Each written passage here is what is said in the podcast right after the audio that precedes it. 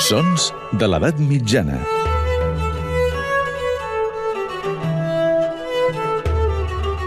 Amb Maria Montes.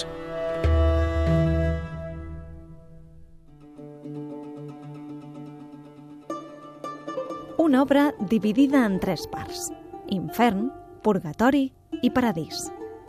Podríem estar parlant de, per exemple, El jardí de les delícies, pintat per el Bosco, però parlem d'una de les grans obres de la literatura, la Divina Comèdia, escrita a principis del segle XIV per Dante Alighieri. Dins de l'obra, Dante recorre aquests tres escenaris guiat per la figura del poeta Virgili en un trajecte ascendent, inspirat també per la seva estimada Beatriu. Es diu que, dins de l'obra, Dante va plasmar la seva visió del món i la vida, i és cert que les arts no van quedar fora d'aquesta recopilació. Així doncs, la música també hi és present, i no tan sols com una mera banda sonora.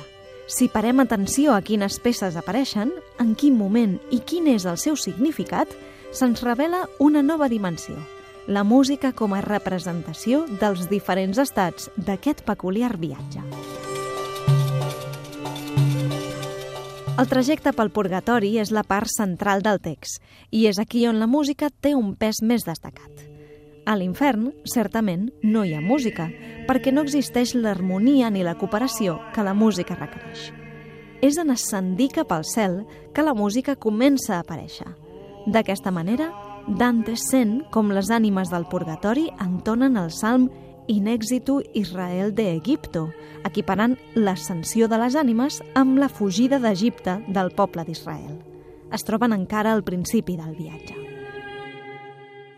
També es troba amb Casella, un amic seu que va musicar un dels seus poemes, que comença a cantar aquella cançó d'amor.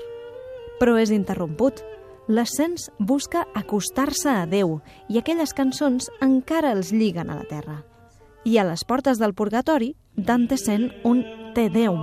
Aquest himne ja prové del cel. Cada cop són més a prop. Aquests són tan sols uns exemples de les nombroses cites i referències musicals que es poden trobar a la Divina Comèdia. Músiques inexistents a l'infern, monòdiques al purgatori i polifòniques al paradís, que en la seva evolució il·lustren el viatge de l'ànima d'un dels grans poetes de la literatura occidental. Sons de l'edat mitjana.